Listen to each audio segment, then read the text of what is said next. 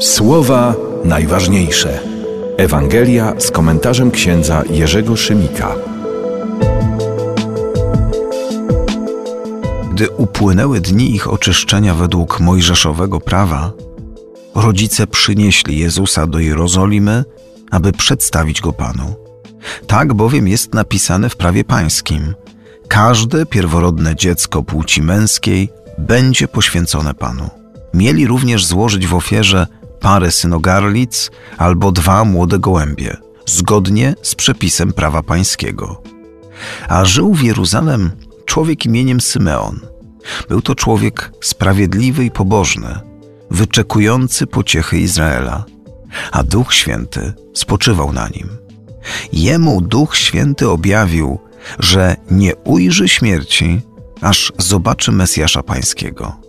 Z natchnienia więc ducha przyszedł do świątyni, a gdy rodzice wnosili dzieciątko Jezus, aby postąpić z nim według zwyczaju prawa, on wziął je w objęcia, błogosławił Boga i mówił: Teraz, o władco, pozwalasz odejść słudze Twojemu w pokoju według Twojego słowa, bo moje oczy ujrzały Twoje zbawienie, które przygotowałeś wobec wszystkich narodów światło na oświecenie pogan i chwałę ludu Twojego Izraela.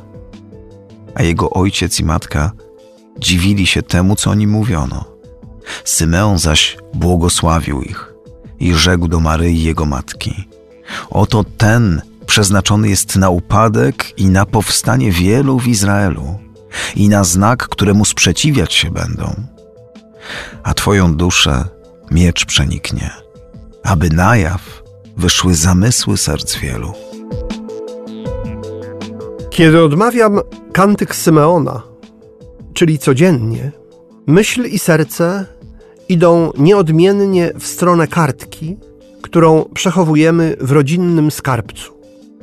Zapisał ją mój dziadek Antoni, górnik, w wigilię mojej prymicyjnej mszy 15 kwietnia 1979 roku. Miał wtedy 78 lat. Pisał tak. Usłuchałeś głosu Jego, który mówił: Żniwo wprawdzie wielkie, ale robotników mało.